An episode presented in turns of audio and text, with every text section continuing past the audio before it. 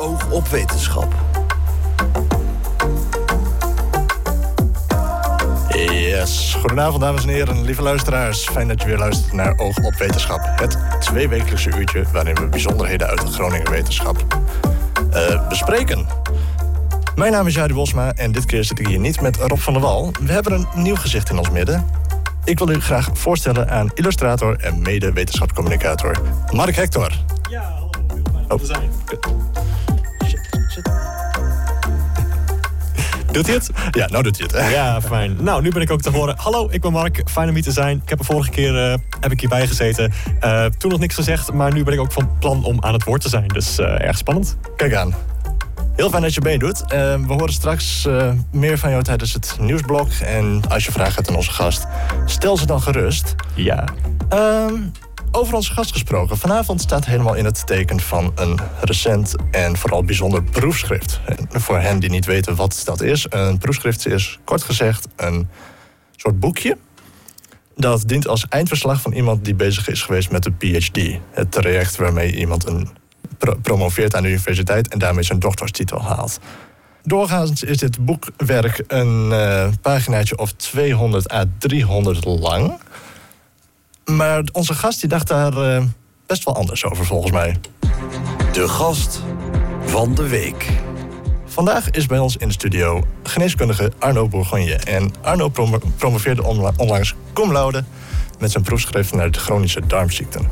Zijn proefschrift bestond uit maar liefst 1108 pagina's. Um, en daarmee heeft Arno misschien wel het langste proefschrift van Nederland ooit weten te produceren.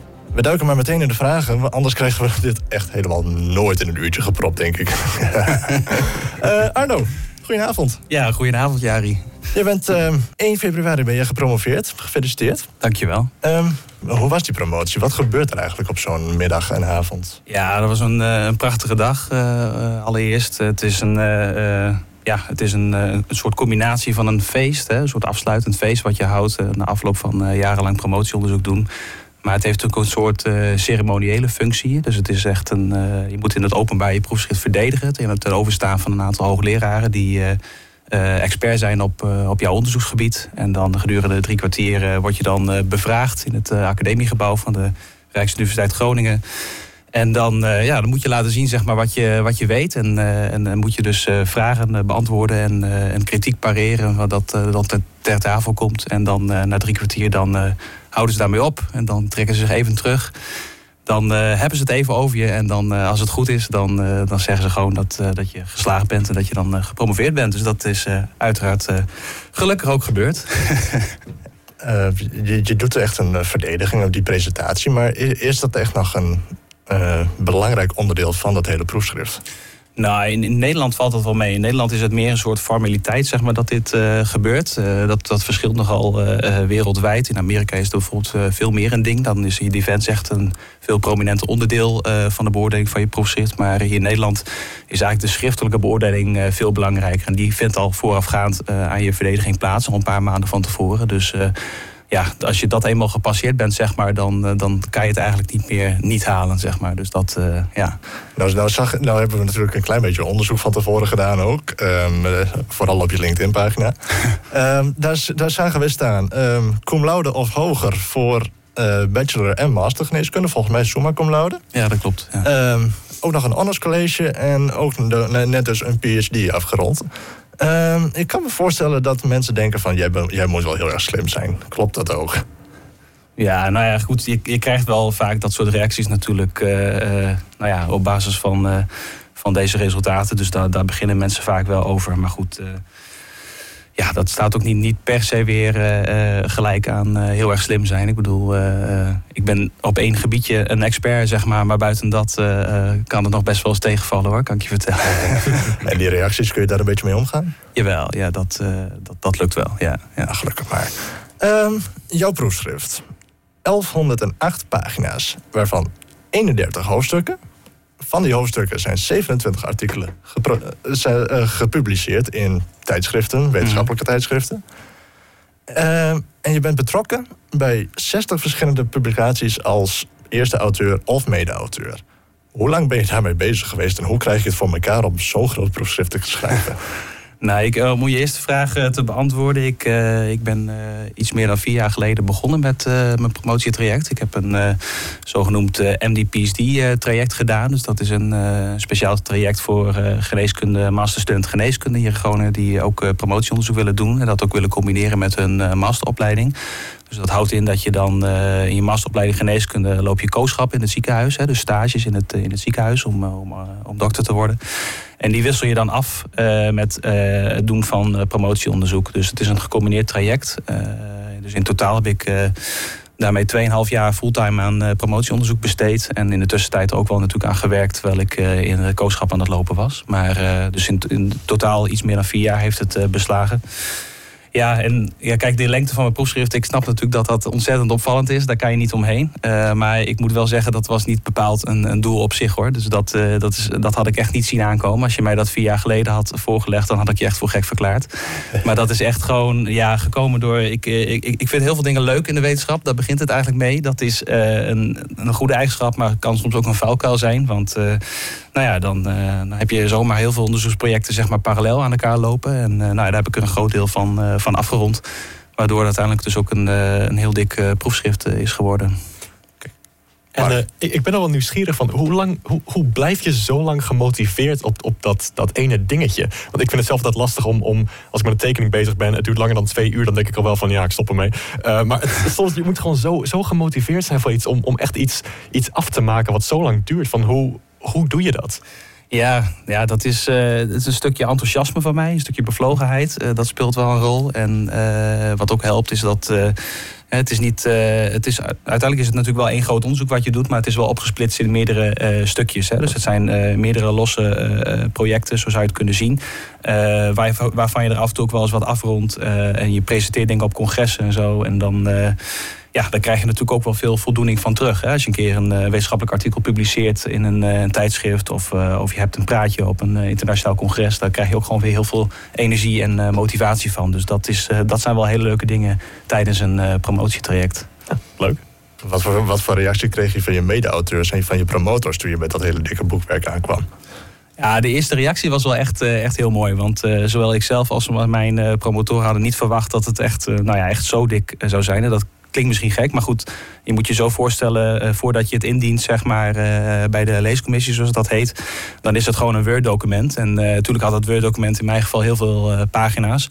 Maar je, hebt, je kan je toch heel slecht een voorstelling bij maken hoe dat uiteindelijk zeg maar, in zo'n promotieboekje eruit ziet. Dus toen dat voor het eerst, zeg maar, je krijgt eerst zo'n proefdruk, dus echt zeg maar eerst een, een, eerste versie, dat je, dat je dat ook vast even kan controleren voordat de grote oplage wordt gedrukt. En toen ik dat in mijn handen kreeg, was ik zelf ook stom verbaasd dat het echt zo dik was, zeg maar. Dus dat, en dat diezelfde de reactie hadden mijn, uh, mijn promotoren ook. Dus dat was wel, uh, was wel een leuk moment. Ja. Nou heb je je onderzoek gedaan naar uh, chronische darmziekten. daar gaan we straks in de, na, de, na de muziek en na het nieuws wat verder op in. Ja.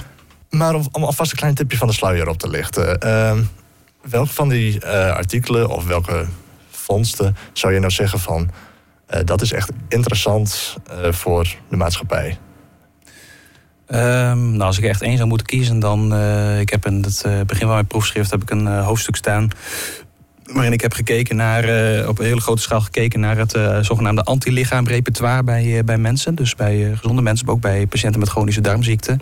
waarbij we heel veel nieuwe bevindingen hebben gedaan, die ook nou ja, op termijn, dus op dit moment nog niet, maar op termijn denk ik wel relevant kunnen gaan worden voor Ehm, nou, voor, de, uh, voor de diagnostiek bij chronische darmziekte als mede de voorspelling uh, van uh, het optreden ervan. Dus dat, maar goed, daar gaan we het zo nog wel meer in detail over hebben, denk ik. Ja, we gaan er straks even over, over in detail treden.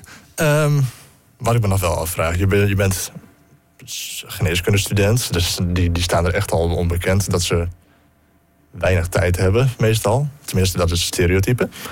Um, dan heb je ook nog die PhD gedaan. Daar ben je heel druk mee geweest. Heel veel geschreven, heel veel onderzoeken gedaan. Um, heb je naast dat altijd onderzoek en studeren nog tijd voor hobby's uh, en andere interesses? Ja hoor, ja hoor, zeker. Ja. Nee, uh, absoluut. Dat, uh, daar hoef je geen zorgen om te maken. ik, nee, ik, ik vind veel dingen leuk. Ik uh, hardlopen bijvoorbeeld, dat, dat, dat probeer ik regelmatig te doen. Daar haal ik altijd veel energie uit. meestal doe ik dat met, met een vriend of, of een collega. Dus dat, dan kan je elkaar ook een beetje blijven motiveren. ik ben heel erg fan van muziek en ik spreek ook vaak graag af met, met vrienden. Ik ga ook nog wel eens feestjes af in die zin. Dus je zou me een soort verkapte student kunnen noemen in dat, in dat opzicht. Want uh, nou ja, dat, die, dat is natuurlijk ook zo omgevlogen. Maar goed, uh, uh, ja, in, in, je onderzoekstijd heb je daar nog wel eens tijd voor, zeg maar. Als je als arts eenmaal fulltime in de, het ziekenhuis werkt, dan kan dat er niet echt meer bij. Dus ja, daar wilde ik nog graag wel gebruik van maken. Check.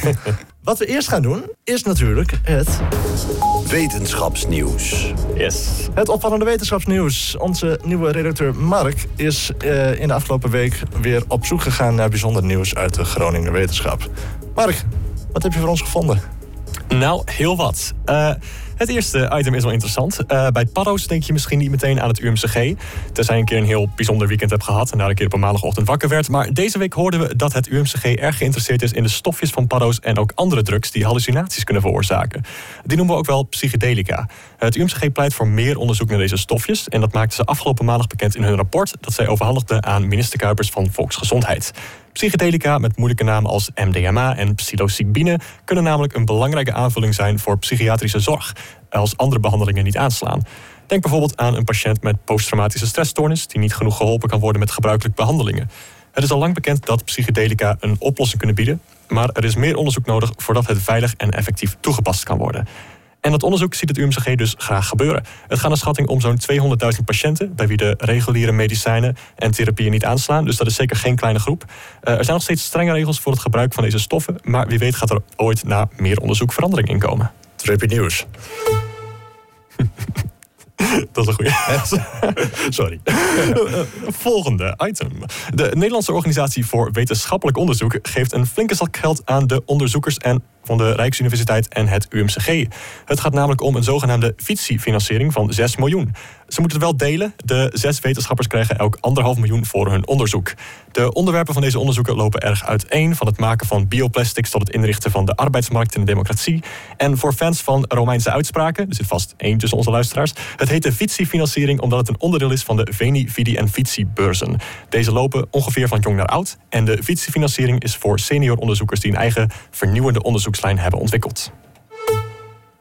Van het volgende nieuwsbericht kreeg ik een bijzonder. Van het volgende nieuwsbericht kreeg ik een bijzonder beeld in mijn hoofd. Ik las namelijk dat onderzoek naar de doodsoorzaak van mensen sneller gaat als meerdere onderzoekers tegelijk naar dezelfde tand of nagel kijken. Nou, ik zie dan een tafel vormen met twintig mensen in lapjassen die aandachtig met een vergrootglas naar éénzelfde teennagel kijken. Het zit toch ietsje anders. Normaal gesproken, als er een lichaam wordt gevonden en er alleen nog maar resten van het skelet, de nagels of tanden over zijn, is er nog steeds een kans dat forensische deskundigen kunnen achterhalen van wie het lichaam was. Ze kunnen zelfs uit een klein beetje materiaal nog informatie halen over het mogelijke geslacht, de leeftijd en zelfs het medicijngebruik van het slachtoffer. Maar wat nou het nieuws is, het zit hem in de heel precieze voorbewerking. Er zijn vaak namelijk niet meerdere tanden om aan meerdere onderzoekers uit te delen, maar door het slim op te knippen gaat het onderzoek een stuk sneller en krijg je veel specifieke informatie.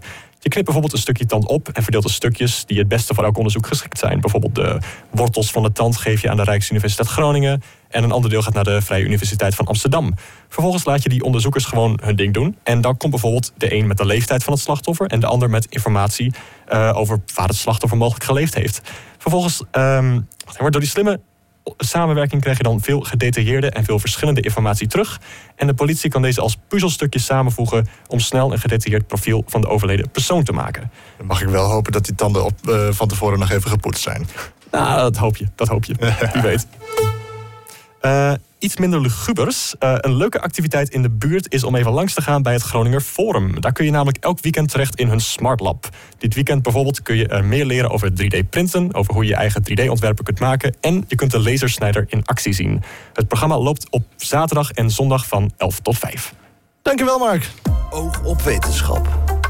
En wij praten verder met Arno Bourgogne. Hij uh, promoveerde vorige maand cum laude met zijn omvangrijke proefschrift over darmziekten, chronische darmziekten. Um, als ik het goed heb begrepen, ging het vooral het, om het eerder opsporen van zulke ziekten. Um, Arno, jij deed dus onderzoek naar chronische darmziekten. En dat vind ik nogal een abstract begrip. Wat houdt de chronische darmziekte precies in? Nou, chronische darmziekte, dat zijn uh, ontstekingsziekten. chronische ontstekingsziekten van het maag-darmkanaal. In het Engels noemen we dat ook wel inflammatory bowel disease. dat wordt vaak afgekort tot IBD, ook in het Nederlands. Dus of nu zal ik het ook vaak IBD gaan noemen. Ehm, ja, het zijn de chronische darmontstekingsziekten, waarvan eigenlijk twee bekende vormen zijn: de ziekte van Crohn en uh, colitis ulcerosa. dat zullen veel mensen wel, wel kennen. Uh, het belangrijkste verschil is dat ziekte van Crohn, dat is een ziekte uh, die zich door, door, de hele maagdarmkanaal kan uh, manifesteren. Terwijl uh, colitis ulcerosa voornamelijk in de dikke darm zit. En ehm, ja, het zijn, het zijn chronische ziekten. Dus dat betekent dat als men eenmaal de diagnose krijgt, dat, dat die ziekte nooit meer verdwijnt.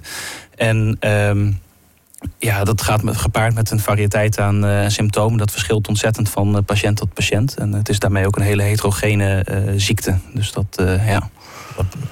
Uh, met heterogeen bedoel je dus dat het van uh, patiënt tot patiënt verschilt? Ja, ja, dus het klassieke klachten zijn bijvoorbeeld uh, buikpijn, diarree, vermoeidheid, ehm, slapeloosheid. Maar ook kunnen er klachten zeg maar, buiten het maagdarmkanaal zijn. Bijvoorbeeld gewrichtsklachten, dat zie je ook heel vaak bij, bij deze patiëntengroep. Maar dat verschilt ontzettend van patiënt tot patiënt inderdaad. En ook de, de ernst van de ziekte zeg maar, varieert enorm. En dat, dat maakt de ziekte ook extra moeilijk om om, eh, om te behandelen. Oké, en is er iets überhaupt al iets bekend over oorzaken van zulke ziekten? Of is dat nog veel giswerk? Ja, er is wel wat bekend zeg maar, over welke factoren bijdragen aan het ontstaan van de ziekte. De exacte oorzaak is uh, vooralsnog onbekend. Maar we weten wel dat het een uh, interactie is van uh, verschillende factoren die een rol spelen. Dus allereerst bijvoorbeeld, er is een genetisch risico op het krijgen van IBD. Dus er zijn bepaalde variaties in ons DNA, zeg maar, die geassocieerd zijn met het ontstaan van IBD. Dus sommige patiënten hebben dat ook in hun DNA zitten. maar daarnaast speelt het microbiome een grote rol. Dus de verzameling van darmbacteriën die, eh, die in ons eh, zitten. Eh, er zijn bepaalde veranderingen in het immuunsysteem die optreden, die ook een belangrijke rol spelen. En last but not least ook leefstijl en omgevingsfactoren die een rol spelen. Dus bijvoorbeeld of je rookt, of je veel beweegt, maar vooral ook je dieet bijvoorbeeld. Dat speelt een belangrijke rol. Kijk, en daarover. Ehm, onze vorige gasten, student sterrenkunde Nienke Visser en student ecologie en evolutie Vera Thijssen, hebben jou een vraag mogen stellen de vorige keer. Um, zij vroeg zich af of slaaptekort nog uh, bepaalde invloed heeft op chronische darmziekte.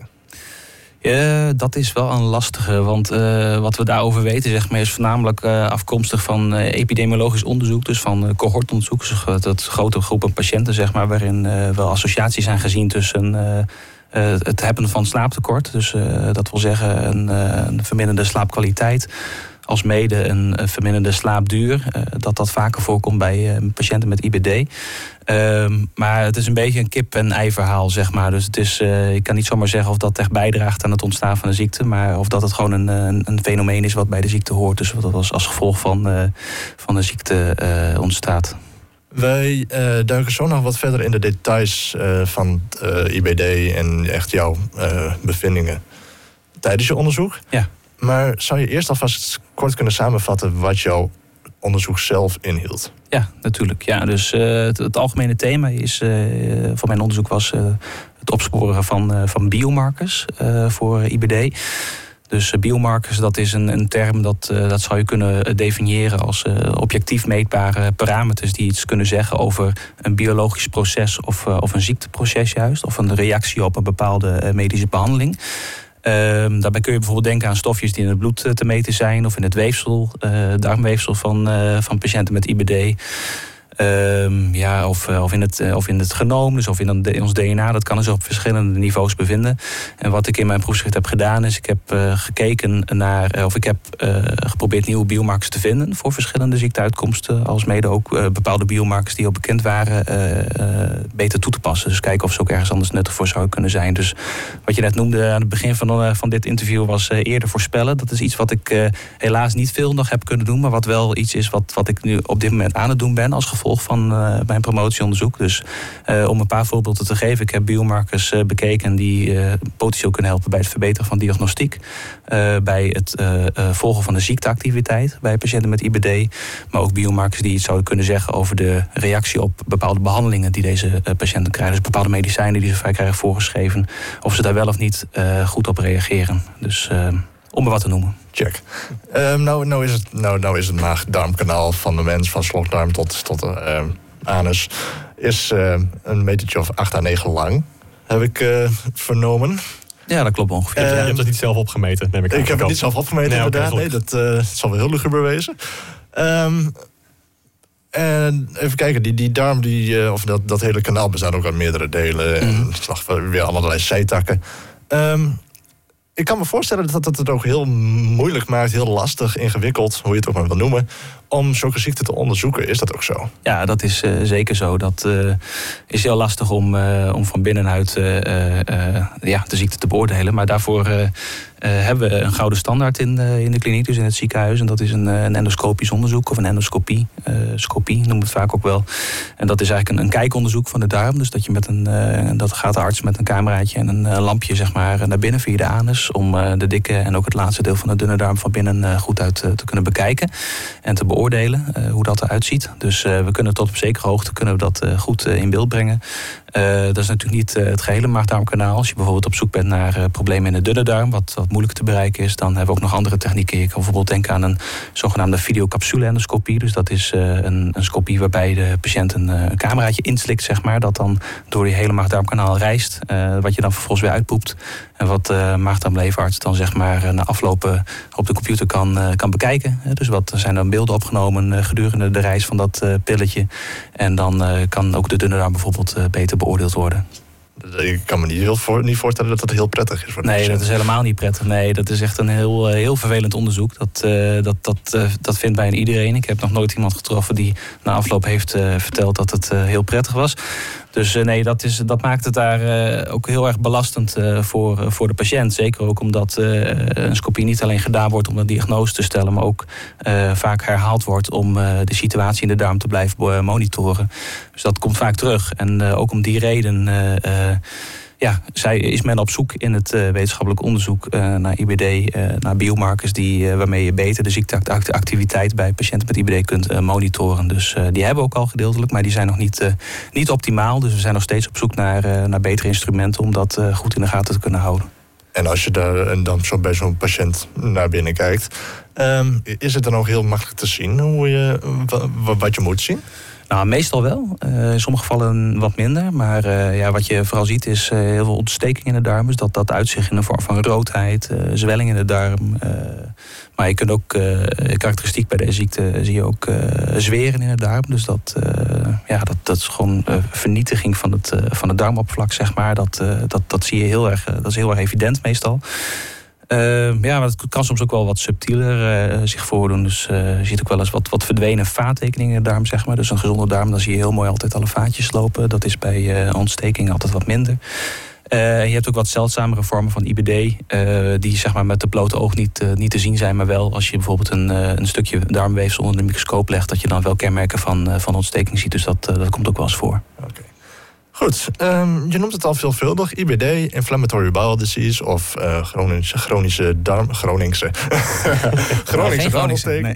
nee. chronische darmontsteking. Um, wat betekent zo'n zo'n ziekte voor het leven van de patiënt? Ja, echt uh, ontzettend veel. Dat kan echt uh, een hele grote impact hebben op, uh, op het dagelijks functioneren van de patiënt. Het kan ook een hele grote psychologische impact hebben. Dus uh, kan de patiënt ook heel veel stress van, van ondervinden. Uh, gewoon omdat het, ja, het heeft een invloed op, uh, op je dagelijks leven. Dus het is ook gewoon, uh, natuurlijk kunnen buikpijnklachten kunnen gewoon heel erg invaliderend zijn. maar je kan je ook voorstellen dat als je continu last hebt van diarreeklachten, dat, dat je eigenlijk altijd wel aan een, toilet gebonden bent dat, dat bij je in de buurt moet zijn. Dus dat zijn gewoon hele vervelende klachten waar mensen indien onbehandeld gewoon bij mee blijven rondlopen. Dat is natuurlijk niet, niet wenselijk. Nee, inderdaad. En, en als ik dat zo hoor, dan klinkt het ook echt ja, zwaar. Um, ben jij ook anders gaan leven naar aanleiding van jouw onderzoek en alles wat je hierover hebt geleerd? Van de, want, want ik hoorde allemaal, allemaal dingen van, nou, je leefstijl kan invloed hebben, je, je eetpatroon, van al dat soort dingen. Van, is daardoor ook iets in jou veranderd? Um, dat is wel een beetje een gewetensvraag. Um, ja, ja wel wat hoor, wel wat. In die zin zeg maar, uh, ik heb zelf niet zo heel veel onderzoek naar gedaan... De, naar de invloed zeg maar, van dieet of leefstijlfactoren op IBD. Collega's van mij wel. Dus ik heb natuurlijk wel, uh, wel dat, dat, zeker meegekregen. En ik, ik weet er ook wel een hoop van. Ehm, ja, ik ben wel iets beter zeg maar, op mijn eten gaan letten. Uh, nog steeds is daar wel ruimte voor verbetering, kan ik je vertellen. Maar uh, het, is wel, het is wel eens slechter geweest. Uh, ja. Dus dat, ja, nee, ja, het maakt je wel bewuster van bepaalde dingen. Dat is uh, zeker waar. Ja. ja. interessant. En dat, dat IBD, komt dat ook vaak voor, veel voor in Nederland of in de wereld überhaupt? Nou, vooral Nederland, denk ik. Ja, nee, het komt steeds, uh, steeds vaker voor. Dus het, is een, uh, een, het neemt toe in incidentie. Dus dat wil zeggen dat er steeds meer gevallen per jaar zeg maar, gediagnosticeerd worden. in Nederland zijn er zo'n 100.000 mensen met, met IBD.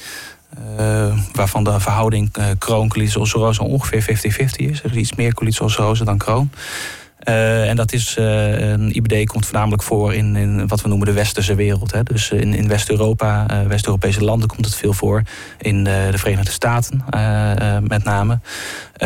maar het is ook echt opkomend in, in Aziatische landen, zeg maar, wat, wat voorheen niet zo was. Maar dat wat tegenwoordig, ik bedoel, ja, dat, dat, dat wordt ook steeds meer. Die, hè, die verwesten ook steeds meer. Dus daar komt de ziekte ook steeds vaker voor. Dus eigenlijk zou je zeggen, eigenlijk kun je wel een beetje zeggen van het is wel een beetje een soort van wel, welvaartsziekte. Ja nee. Ja, dat vind ik lastig te zeggen. Want enerzijds wel, omdat het wel zeg maar, gepaard gaat met, met, uh, met de westerse wereld. Maar er zijn uh, heel veel factoren die een invloed op deze ziekte hebben. Sommige, of de meeste waarvan je zeg maar, ook niet echt iets aan kunt doen. Hè? Dus wat ik al noemde, verandering in het immuunsysteem, genetisch risico. Ja, dus dat zijn heel veel ook niet modificeerbare factoren zeg maar, die ten grondslag aan de ziekte liggen. Dus dat, dat, dan, ik vind het lastig om in die context dit dan als een welvaartsziekte weg te zetten. Zeg maar. Oké. Tijdens jouw onderzoek vond je een nieuwe biomarker waarmee je als het ware de ernst van darmontstekingen bij patiënten aantoont. Ja. Um, nou moet ik volgens mij bij het woord biomarker niet denken aan een biologisch verantwoorde parkeerstift. Nee. Dus wat, wat zijn biomarkers wel? Uh, ja, grijpt een beetje terug naar waar we het net al over hadden. Dus dat zijn uh, uh, ja, objectief maar meetbare parameters uh, die een biologisch of, of pathofysiologisch proces kunnen vertegenwoordigen. Dus een, een ziekteproces, zeg maar. het kunnen ook stoffen zijn die iets, iets zeggen over de reactie op bepaalde medische behandelingen. Uh, voorbeelden zijn uh, stofjes in het bloed, maar kan ook in het weefsel of in andere matrices. Dus dat, uh, ja, dat, dat, het is een brede definitie. Maar in mijn geval heb ik uh, voor mijn proefschrift, in mijn promotieonderzoek, heb ik met name me gefocust op biomarkers die je in het bloed kunt terugvinden bij, bij patiënten. Het vinden van die biomarker bij IBD, ja. in hoeverre is dat echt een doorbraak in het onderzoek? Nou, het is, ik zou het niet echt een, een, een doorbraak uh, willen noemen. Het is ook, ik heb het ook niet ontdekt. Maar wat ik wel heb gedaan is uh, naar de biomarker waar je naar refereert. Dat, dat noemen we de freitiol. Dat is een biomarker dat, dat vertegenwoordigt een bepaald ziekteproces dat een rol speelt bij IBD. oxidatieve stress heet dat. En um, nou ja, deze stof was al bekend. En dat, dat ook de manier waarop we dit uh, moeten meten, dat is ook al tientallen jaren bekend. Alleen um, uh, het was nog niet in de context van IBD bekeken. Dus er is nog heel weinig gekeken naar potentiële toepassingen van deze marker, zeg maar, dus van deze stof. En dat is eigenlijk waar het verschil in zit, zeg maar. Dus een van mijn promotoren die heeft hier heel veel onderzoek naar gedaan. En die, die begon zeg maar, bij, bij een bepaalde nierziekte te kijken naar deze biomarker. Waarbij ook oxidatieve stress een belangrijke rol speelt. En uh, nou ja, toen uiteindelijk kwamen we op het idee om dat ook bij IBD te gaan bekijken. Omdat oxidatieve stress bij uitstek ook uh, bij IBD een uh, belangrijke rol speelt. Wij komen straks nog één keer bij jou terug. En dan praten we over de toekomst van dit onderzoek en over jouw eigen toekomst. maar eerst is het tijd voor onze museumrubriek. Welkom in het Natuurmuseum van Klaas Nanninga. In een woonhuis aan de Groningse Korreweg runt Klaas Nanninga zijn eigen natuurmuseum. Een complete verdieping, maar ook zijn werkkamer en zelfs de woonkamer staan vol met planten, dieren, schimmels en alles daartussenin.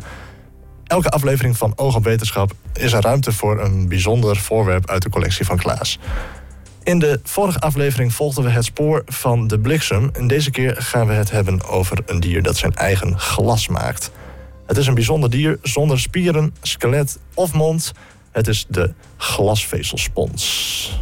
Vorige keer ging het over de glasbuisjes die je kunt vinden nadat de bliksem in het zand geslagen is. Dat is natuurlijk gevormd glas. En ik zei al, het kan nog gekker. Er zijn zelfs dieren die hun eigen glas maken. Oké, we gaan even een experiment doen. Neem een dier in gedachten. Oké? Dan haal je van dat dier in gedachten alle zintuigen weg. Geen ogen, oren, neus enzovoort. Dan haal je alle spieren weg. Het skelet, de zenuwen, de hersenen. alle organen voor de spijsvertering, maag en darmen, alle organen voor de ademhaling, alle organen voor de uitscheiding, voor de voortplanting, hals en poten weg, eventueel tanden, klauwen, huid. Nou, ik weet niet hoe het eh, nu met het uh, gedachtendier is. Want wat hou je in vredesnaam nog over van een bestaand dier als je al die dingen weghaalt? Nou, verbazend genoeg is er een dier die toch nog altijd bestaat zonder al die onderdelen. En dat is de spons. Bij spons moet je even niet denken aan de spons die je in de winkel koopt, maar de ouderwetse badspons. Zo'n spons is wat overblijft van een dier die er bijna net zo uitziet. Nou zitten er nog wat levende celletjes omheen. Dat heb je in handen. Dat zijn de zachte sponsen. Maar je hebt ook bijzondere sponsen die niet zacht zijn, maar hard. En dat zijn de glassponsen. Ik heb er hier één in handen. En stel je voor, je neemt een stukje vitrage... van dat witte, doorzichtige materiaal wat je voor de ramen hangt. Van ongeveer 30 centimeter maak je er een buisje van. Dat is dus heel licht, dun. En dat stukje vitrage, als je tegen het licht houdt, kijk je er dwars doorheen nog steeds. Je ziet allemaal die gaatjes van de vitrage. En dat is ook wat ik nu in handen heb. Een heel dun, fragiel dingetje, maar wel gemaakt van glas. Een spons die zijn eigen glas maakt. Wij maken glas van zand, soda en kalk. En dan heb je een oven nodig van zo'n 2000 graden. En dan smelt al dat zand, gemengd met andere stoffen. En bij afkoeling heb je glas. Wij weten hoe we het maken, maar we hebben geen idee hoe een simpel dier als een spons, zonder oven, in de kou, in het donker, zijn eigen glaskristalletjes en glasvezels maakt. Maar hij doet het. En van die glasvezels en kristallen maakt hij een prachtig fragiel bouwwerkje. En toch sterk, want zo'n heel dun glasbuisje is tien keer sterker dan een aluminium buisje van dezelfde dikte. Superieur zelfs zijn de glasvezels. Wij kennen onze glasvezels voor internet, maar de glasvezels die de glaspons al heel lang daarvoor maakten, waren lange tijd beter dan de eerste glasvezels. Deze glasvezels zijn zo soepel dat je er een knoopje in leggen kan. En dat kon bij de eerste glasvezels echt niet. Tegenwoordig doen onze glasvezels het beter. Maar je zou je kunnen voorstellen dat je een soort internet, een soort web maakt van natuurglasvezels van sponsen. Wie weet of zij ook internet hebben op de zeebodem. Volgende keer, dan gaat het over weer zo'n eenvoudig dier die iets zeer kostbaars maakt.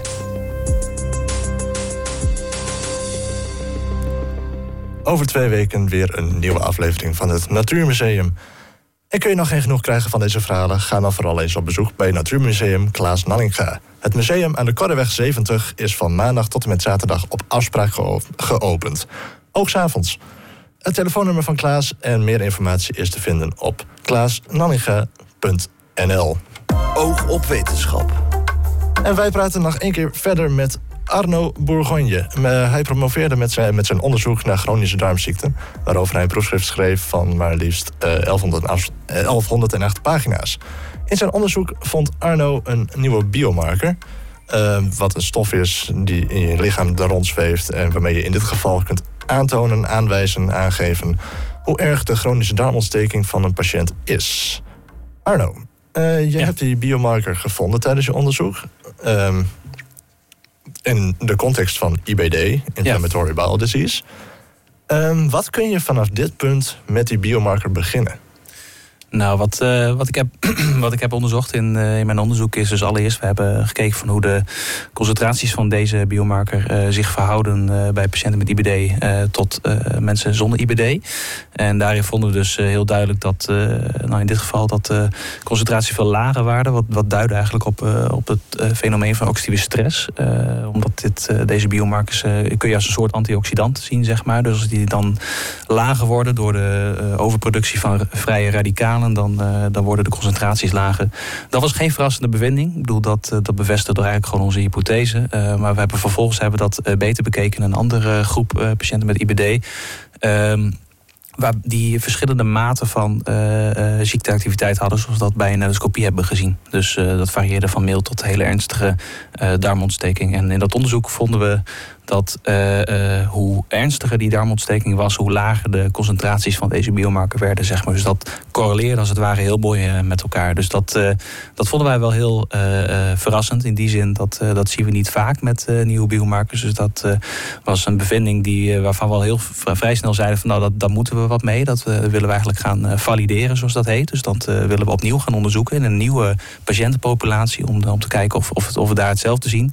En daarmee zeg maar de potentiële klinische waarde van deze biomarker kunnen eh, verhogen. Het is in ieder geval iets wat, uh, wat in contrast staat met een, uh, een andere veelgebruikte biomarker bij IBD, wat we voor kalprotectine noemen. Dat is een eiwitje wat je in ontlasting kunt meten. En wat iets zegt over de, over de duimontsteking bij deze patiënten. En over het algemeen is kalprotectine verhoogd bij patiënten met IBD en, en niet aantoonbaar bij mensen zonder de ziekte. Uh, maar wat uh, dit, dat niet goed kan, is zeg maar de mate van darmontsteking ontsteking, uh, weerspiegelen. Ehm, om een voorbeeld te geven, als een patiënt een hele milde darmontsteking heeft, die kan zeg maar torenhoge kalprotectinewaardes hebben, terwijl een patiënt met hele ernstige darmontsteking juist nog wat lagere waarden zou kunnen hebben. Zeg maar. Dus dat is, daar is die biomarker minder geschikt voor. En dat, dat maakte deze bevinding wel extra interessant. Oké, en um, kun, je, kun je dit ook nog op de een of andere manier bij de patiënten zelf krijgen? Kunnen zij er zelf ook nog wat mee? Ja, nou kijk, wat we nu aan het doen zijn, is we zijn dus nu die validatie aan het doen die ik al noemde. Dus, uh, en dat doen we parallel uh, met, uh, of dat doe, doe, ik in twee verschillende studies. Dus met een nieuwe studie hier in het UMCG, maar ook met een studie in een, in een groep Australische patiënten met, met IBD. Dus met een andere, van een andere geografische origine, zeg maar. Dus dat, dat is ook altijd wel goed om, om te doen in zo'n proces. Maar tegelijkertijd zijn we ook bezig om te kijken of deze test, dus de methode waarmee je deze biomarker kunt meten, of we die ook uh, gemakkelijk kunnen maken. Want op dit moment doen we dat dus alleen nog in onderzoekssetting. En het kost echt een uh, ruime dag, zeg maar, om. Om dit zeg maar, van uh, sample voorbewerking tot aan resultaten te krijgen. dus daar zit nog wel heel veel verbetering in. Dus we zijn op dit moment werken we samen met een paar onderzoekers van de Universiteit van Twente. Die, ehm, die bezig zijn met het ontwikkelen van zogenaamde lab on the chips. Dus dat zijn hele kleine chips waarop je uh, bij wijze van spreken met een druppeltje bloed een aantal laboratoriumbepalingen zou kunnen faciliteren. En dat bestaat, een dergelijk principe zeg maar, bestaat al. Ik bedoel, je kan bijvoorbeeld denken aan patiënten met diabetes die hun suikers in de gaten houden via een vingerprikje. Maar dat is ook iets wat, wat in potentie zeg maar, gebruikt zou kunnen worden bij, bij IBD. Hè? Dus dat, je kan je voorstellen, stel dat dit echt een goede biomarker straks nog steeds blijkt.